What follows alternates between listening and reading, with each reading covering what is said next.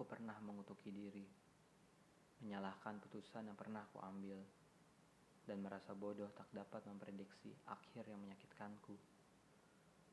Penyesalan itu pula yang membuatku trauma, menutup diri, dan selalu memandang segala hal dari sudut pandang yang buruk.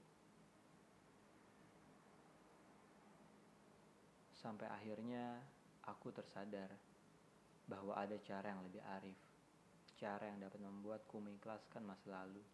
Cara yang dapat membuatku memaafkan diriku sendiri. Dan cara yang dapat membuatku berharap akan masa depan. Sebab aku sadar, hidupku masih berlanjut. Aku harus menyambut, bukan menghindarinya.